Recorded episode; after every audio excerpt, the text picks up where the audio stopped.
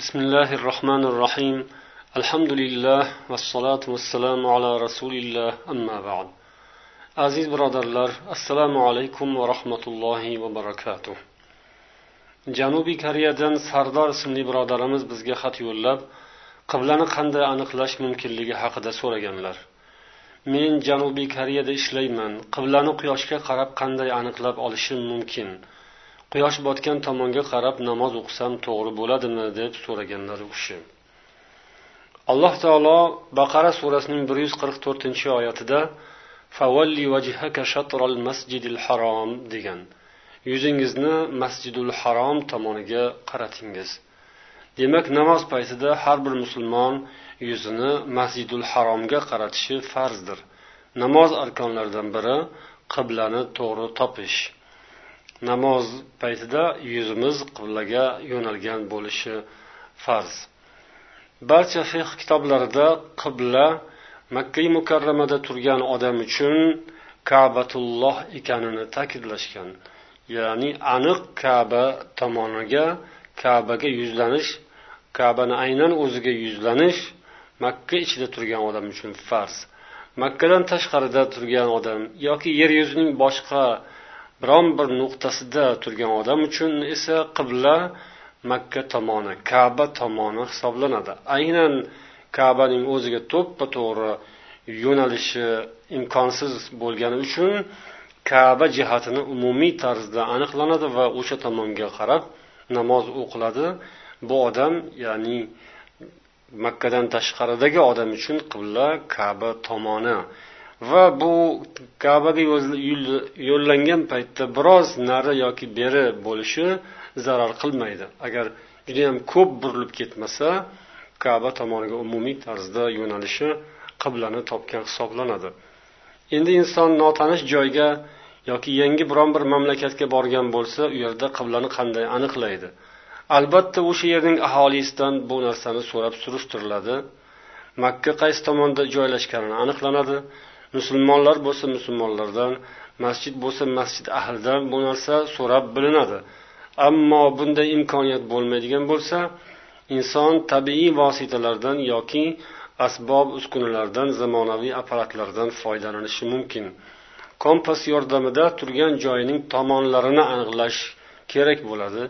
Ya'ni sharqu g'arb shimolu janub tomonlarini inson aniqlab olgandan keyin qo'lida xarita bilan o'zini o'sha turgan mamlakati yoki shahrini ham xaritadan topadi va o'sha turgan joyga nisbatan makka qayerda joylashgan uni ham aniqlaydi.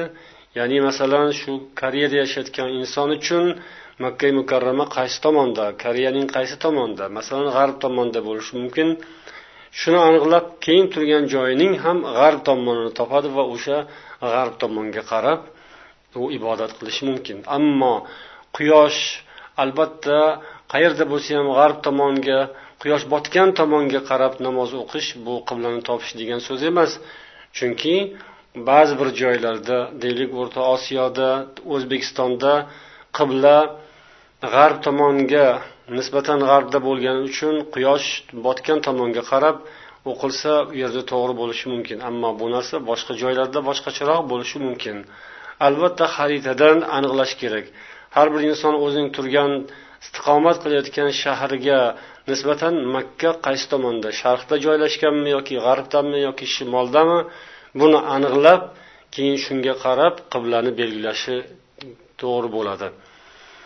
Endi quyoshning chiqish botish jihatlarini harakatlarini kuzatgan holda ham tomonlarni aniqlanadi. Ma'lumki quyosh sharqdan chiqib g'arbga botadi.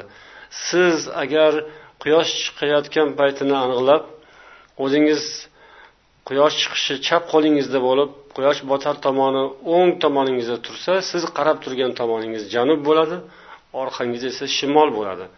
Demak siz sharqu g'arblarni aniqlaganingizdan keyin makkani qaysi tomonda ekanini ham shunga qarab aniqlab xarita orqali belgilab olasiz. Yana tomonlarni aniqlashda kechasi tunda yulduzlar chiqqan paytda yulduzlarga qarab ham bu narsani bilib olish mumkin. Bu o'rinda alloh taoloning oyatida ham ishora qilingan nahl surasining o'n oltinchi oyatida degan yulduzlar vositasi bilan ular to'g'ri yo'l topadilar deb alloh taolo mo'min musulmonlarni insonlarni hayotda mana shu yulduzlar orqali ham yo'l topishlarini ya'ni dunyoning jihatlarini sharqu g'arb tomonlarini aniqlashni ishorasini alloh taolo qur'oni karimda bergan. Va xuddi shuningdek olloh osmonda yaratgan bu yulduzlar samoviy jismlar ham insonlarni diniy va dunyoviy ishlarini belgilashda jihatlarni aniqlashda yordamga kelishini olloh o'zi ishora qilgan. Osmonda mana shunday yulduzlardan biri qutb yulduzi sanaladi. Qutb yulduzi alloh taoloning mo'jizalaridan biri. Barcha yulduzlar harakatlanadi ammo mana bu qutb yulduzining esa harakat doirasi nihoyatda qisqa. U va boshqa barcha yulduzlar samoviy qutb atrofida aylanadilar. Samoviy shimoliy qutb atrofida osmondagi qutb atrofida ko'zga ko'rinmaydigan lekin xayoliy ilmiy asosda taxmin qilinadigan bor deb faraz qilinadigan markaz atrofida yulduzlar hammasi aylanadi. Jumladan mana shu qutb yulduzi ham aylanadi. Biroq bu aylanish doirasi qutb yulduziniki nihoyatda kichkina sanalar ekan. Ya'ni u shu yulduzlar markaziga aylanadigan markazga nihoyatda eng yaqin turgan yulduz bo'lgani uchun uning markaz atrofida aylanish doirasi qisqa bo'ladi va go'yoki u harakatlanmayotganday turadi. Tunning qaysi bir qismida bo'lsa ham unga nazar solinsa u bitta joyda turgan bo'ladi. Ammo boshqa yulduzlar esa uning atrofida markaz atrofida aylanadi. O'sha shimol bo'ladi shimol nuqtasi bo'ladi. Xuddi o'sha joy qutb yulduzi turgan joy yer yuzining ham shimoliga ishora bo'ladi. Yer yuzining ham yer sharining ham shimoliy qutbi ana shu qutb yulduzi bilan birga bir chiziqda bo'ladi. O'sha qutb yulduzini topgan odam shimolni topgan bo'ladi. Qutb yulduzi esa osmonda katta ayiq kichik ayiq degan yulduzlar turkumidagi bir yulduz. Yoki uni cho'mich yulduz ham deb aytiladi. Agar siz tunda yulduzlarga nazar solsangiz osmonda xuddi cho'mich shaklini eslatadigan yetti dona yulduzga ko'zingiz tushadi. Ana o'sha cho'mich shaklini beradigan cho'mich yulduzning cho'michning dastasi turgan tomonidagi eng oxiridagi yulduz qutb yulduzi bo'ladi. U ancha yorug' ravshan yulduz bo'ladi. Mutaxassislar aytishadiki o'sha cho'mich yulduzning dastasi tomonida turgan ikkita oxirgi yulduzni bir biriga ulaysiz hayoliy chiziq bilan. Va o'sha chiziqni siz yana cho'michning tashqarisiga davom ettiradigan bo'lsangiz qutb markaziga ya'ni shimoliy qutb markaziga boradi. O'sha go'yoki olamning markazi. Yulduzlar aylanadigan markaz o'sha yerda bo'ladi. O'sha markazdan yarim yoki bir gradus uzoqlikda turadi qutb yulduzi. Va bu bilan siz shimolni aniq bilasiz. O'sha tomonni aniq bilib olganingizdan keyin mabodo kunduzi siz sharqu g'arb tomonlarini aniqlashga qiynalgan bo'lsangiz tunda shimolni aniqlaysiz. Yoki o'sha tunda siz namoz o'qishingizga to'g'ri kelgan bo'lsa shimol tomonni aniqlaganingizdan keyin boshqa uchta tomon ham aniq bo'ladi va qo'lingizdagi xarita bilan yoki boshqa ma'lumotlar asosida siz makkani o'sha turgan joyingizdan qaysi tomonda joylashganini bilib shundan keyin qiblani aniqlab shunga qarab namozingizni ado etishingiz mumkin. Bu osmondagi yulduzlarga qarab tomonlarni aniqlash uslubi. Endi yana kabatullohni aniqlashning bir uslubi bor mutaxassislarning aytishlariga qaraganda yil davomida ikki marotaba quyosh kabatullohni ustida turadi. Ya'ni kabaning ustida turadigan bir lahzalar bo'ladi. Mana shu lahzani topgan odam quyoshga qarasa kaba tomonga qaragan bo'ladi. Bu qachon bo'ladi? Bu har yili yigirma sakkizinchi may va o'n beshinchi iyul kunlari sodir bo'lar ekan. Yigirma sakkizinchi may peshin vaqti soat o'n ikkida makkai mukarrama vaqti bilan o'n ikkidan o'n yetti daqiqayu ellik ikki o'nda sakkiz soniya sekund o'tgan paytda peshin vaqti kirgan bo'ladi azon aytiladi makkai mukarramada.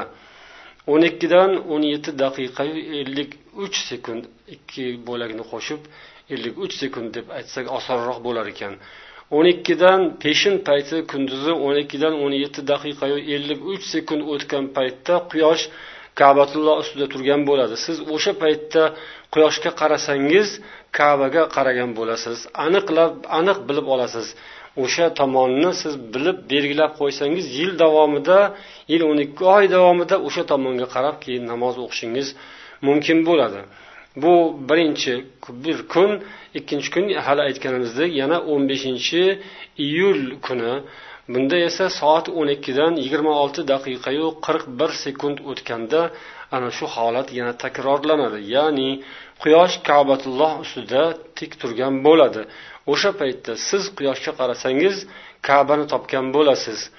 Bu qayerlardan ko'rinadi?